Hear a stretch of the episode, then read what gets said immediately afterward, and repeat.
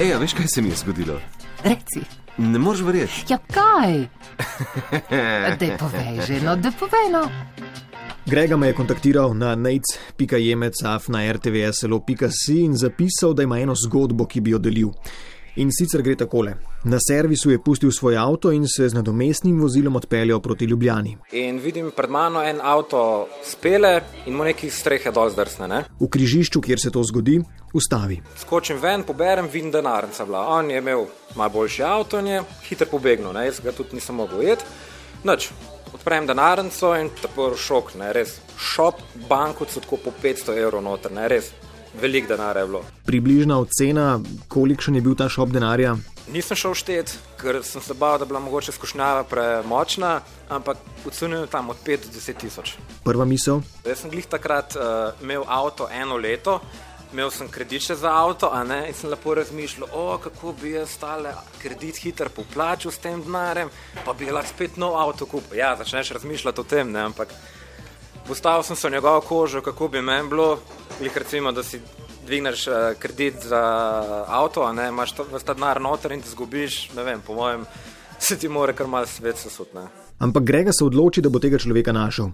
Preveri dokumente in poskuša priti do njegove telefonske številke pri mobilnih operaterjih, njegove ne dobi, uspe pa priklicati ženo. In uh, tisto pokličem gospo, se predstavim in, in rečem, da danes je pa po mojem tako srečen dan vašega moža. Uh, kaj pa je, kaj pa je, jaz rekel, ja, njegovo denarnico sem najdel, zgubil denarnico sem najdel. Ne?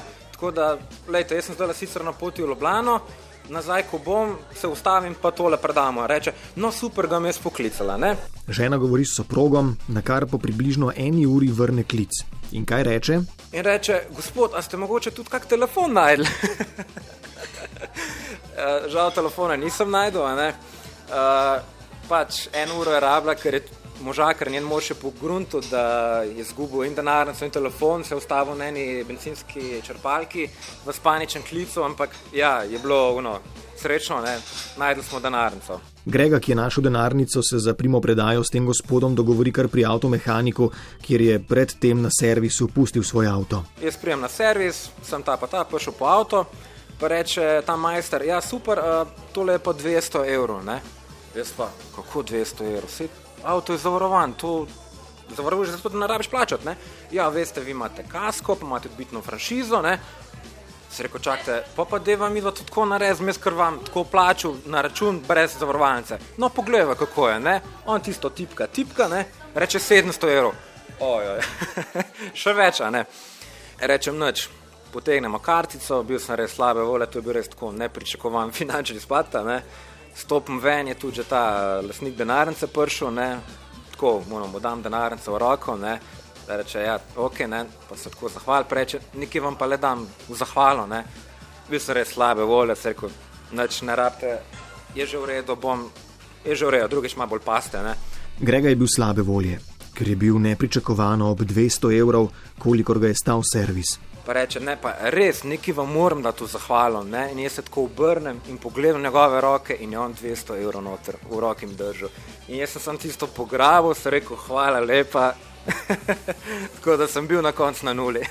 Pri avtomehaniku na cesti v avtu ali javnem prevoznem sredstvu, na potovanju, okencu banke ali javne uprave, zgodbe se nam pač dogajajo in vsakdo ima vsaj eno, tisto eno, ki jo najraje deli. Ne vem, kakšna je vaša, me pa zanima. Lahko prek maila nec.jemecaf na rtvslo.si ali pa po telefonu na nič 1 475 2 202.